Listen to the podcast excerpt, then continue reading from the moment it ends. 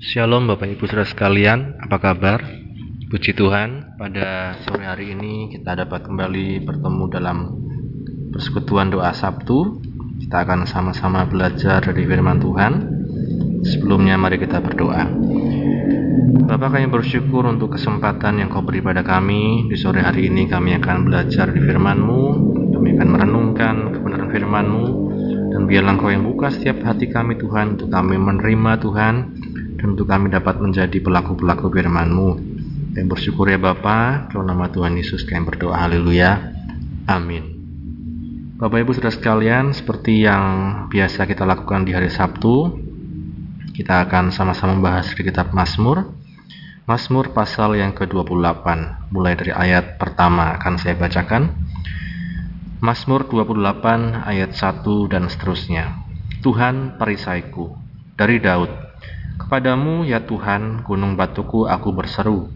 Janganlah berdiam diri terhadap aku.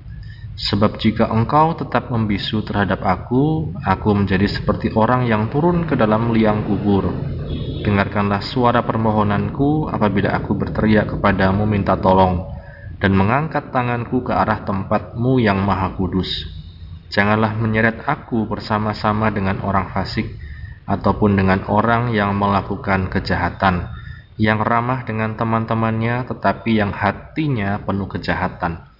Ganjarilah mereka menurut perbuatan mereka dan menurut kelakuan mereka yang jahat.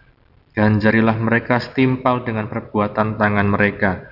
Balaslah kepada mereka apa yang mereka lakukan, karena mereka tidak mengindahkan pekerjaan Tuhan dan perbuatan tangannya. Ia akan menjatuhkan mereka dan tidak membangunkan mereka lagi. Terpujilah Tuhan karena ia telah mendengarkan suara permohonanku. Tuhan adalah kekuatanku dan perisaiku, kepadanya hatiku percaya. Aku tertolong sebab itu beria-ria hatiku, dan dengan nyanyianku aku bersyukur kepadanya. Tuhan adalah kekuatan umatnya dan benteng keselamatan bagi orang yang diurapinya. Selamatkanlah kiranya umatmu dan berkatilah milikmu sendiri Gembalakanlah mereka dan dukunglah mereka untuk selama-lamanya. Amin. Berbahagia setiap kita yang baca, mendengar, dan yang melakukan firman Tuhan. Bapak Ibu Saudara sekalian, kita melihat dalam Mazmur ini bagaimana Daud mengenal Tuhan sebagai kekuatannya dan perisainya. Tidak seperti mereka orang fasik yang dikatakan di ayat yang kelima, mereka tidak mengindahkan pekerjaan Tuhan dan perbuatan tangannya. Bapak Ibu kalau kita lihat dalam kehidupan kita sehari ini saja adakah kita mengindahkan pekerjaan Tuhan dan perbuatan tangannya? Artinya apa? Sesuatu yang Tuhan izinkan terjadi dalam kehidupan kita yang kita sadari atau tidak ada pekerjaan Tuhan, ada perbuatan tangan Tuhan di situ. Ini Bapak Ibu Saudara sekalian yang patut kita lihat dalam kenyataan hidup sehari-hari ketika kita melihat kehidupan kita sehari-hari sebagai satu pekerjaan Tuhan, sebagai satu ada campur tangan Tuhan, maka kita bisa mengenal Tuhan sebagai kekuatan dan perisai dalam hidup kita. Sebaliknya, jika tidak, kita tidak mengindahkan pekerjaan Tuhan, kita tidak mengetahui perbuatan tangan Tuhan, maka kita bisa disebut sebagai orang yang fasik. Ya, mereka yang tidak menghargai pekerjaan Tuhan, apa yang Tuhan izinkan terjadi dalam kehidupannya, rancangan-rancangan yang Tuhan berikan, mereka dapat tergolong pada orang fasik, ya. Segala peristiwa kejadian akan dimaknai sebagai kejadian biasa. Tidak ada campur tangan Tuhan di sana. Nah, Daud dalam kehidupannya, dia menghadapi masalah, dia menghadapi pergumulan, problem, dan lain-lain tapi dia menyadari juga bahwa ini semua ada campur tangan Tuhan di dalamnya. Nah, ini Bapak Ibu Saudara sekalian yang patut kita renungkan bagaimana Daud walaupun dia juga kenal Tuhan sebagai gunung batunya, tapi dia tetap ada masalah. Dia berseru. Dia tetap meminta, memohon pertolongan dari Tuhan. Sebab apa? Dia mengenal Tuhan. Hanya Tuhan sebagai satu-satunya penolong sebagai satu-satunya yang dapat mendengarkan keluh kesah kita walaupun orang lain tidak tahu apa yang menjadi pergumulan kita. Nah ini Bapak Ibu Saudara sekalian sangat penting dalam kehidupan kita untuk menjadikan Tuhan sebagai kekuatan dan perisai dalam hidup kita. Bicara tentang kekuatan, kekuatan manusia itu terbatas. Ada hal-hal yang tidak bisa kita kendalikan. Kesehatan orang lain misalnya tidak bisa kita kendalikan, ya. Apa mungkin yang terjadi pada orang lain kita tidak bisa kendalikan. Situasi ekonomi, kondisi dunia ini kita tidak bisa kendalikan. Tapi ketika kita tahu bahwa Tuhanlah yang mengendalikan semuanya, Tuhanlah semesta alam, Tuhanlah yang berkuasa atas semuanya, kita bisa andalkan Tuhan itu sebagai kekuatan dalam hidup kita. Yang kedua, dia perisai dalam hidup kita.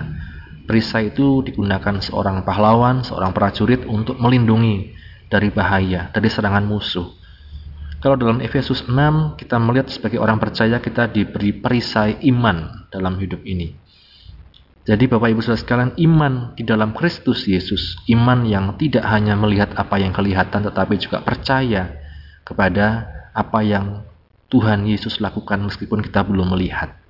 Iman yang terus teguh meskipun ada berbagai macam tantangan dan serangan di dalam dunia ini. Ini Bapak Ibu Saudara sekalian yang patut kita renungkan, patut kita hargai bagaimana Tuhan lewat korbannya mengaruniakan anaknya yang tunggal, Tuhan Yesus Kristus, menjadi tebusan, itulah yang menjadi dasar iman kita. Bukan kekuatan kita, bukan kemampuan kita. Karenanya Bapak Ibu Saudara sekalian, di sore hari ini, mari sama-sama kita menyadari dan kembali diingatkan bahwa Tuhan itulah kekuatan kita, Tuhan itulah perisai dalam hidup kita. Amin. Mari sama-sama kita berdoa. Bapak kami bersyukur untuk firman-Mu yang telah kami baca, kami dengar dan kami renungkan. Engkaulah perisai kami, Engkaulah kekuatan kami, Engkaulah gunung batu kami. Biarlah kami dapat melihat pekerjaan tangan-Mu Tuhan dalam kehidupan kami sehari-hari. Biarlah kami dapat melihat perbuatan tangan-Mu Tuhan dalam kehidupan kami sehari-hari. Sehingga kami tidak menjadi pribadi yang fasik, tidak menjadi orang yang cuek, tidak menjadi orang yang menganggap segala sesuatu terjadi karena biasa saja, tidak ada apa-apanya. Tapi biarlah kami melihat adanya pekerjaan dan campur tanganmu Tuhan, bahwa Engkau menyediakan rancangan yang indah, masa depan yang penuh harapan, bahwa Engkau menyediakan hari depan yang penuh harapan Tuhan. Engkaulah yang turut bekerja dalam segala sesuatu untuk mendatangkan kebaikan bagi orang yang percaya, orang yang mengasihimu. Kami berdoa Tuhan untuk setiap anak-anakmu. Dalam pergumulan mereka masing-masing Tuhan Engkau yang tolong yang sakit engkau sembuhkan, yang lemah dikuatkan, yang susah dihiburkan, yang sedang dalam permasalahan kau berikan jalan keluar Tuhan, yang sedang juga mencari pekerjaan engkau yang tolong Tuhan, agar mendapat pekerjaan Tuhan yang daripadamu, yang sedang menanti pasangan hidup engkau yang tolong, pertemukan pasangan hidup yang daripadamu ya Tuhan. Kami bersyukur Bapak, Secara khusus kami berdoa buat Bapak Gembala, Engkau yang tolong dalam kondisinya Tuhan di rumah sakit. Engkau yang menilik, Engkau yang menjamah, Engkau yang memulihkan, Engkau yang menyembuhkan. Kami bersyukur ya Bapak, oleh karena pilurmu Yesus, Bapak Gembala kami sudah sembuh. Oleh karena Engkau menjamah Tuhan, oleh darahmu Yesus, Engkau yang sudah menyembuhkan. Kami bersyukur Bapak, ibadah besok minggu Engkau yang tolong, Engkau yang persiapkan setiap pelayan-pelayanmu untuk kami dapat memberikan yang terbaik Tuhan dari apa yang sudah Engkau percayakan pada kami. Terima kasih Bapa, ini doa kami. Dalam nama Tuhan Yesus Kristus, kami sudah berdoa dan mengucap syukur. Haleluya. Amin. Puji Tuhan, Bapak Ibu Saudara sekalian, Tuhan Yesus memberkati. Amin.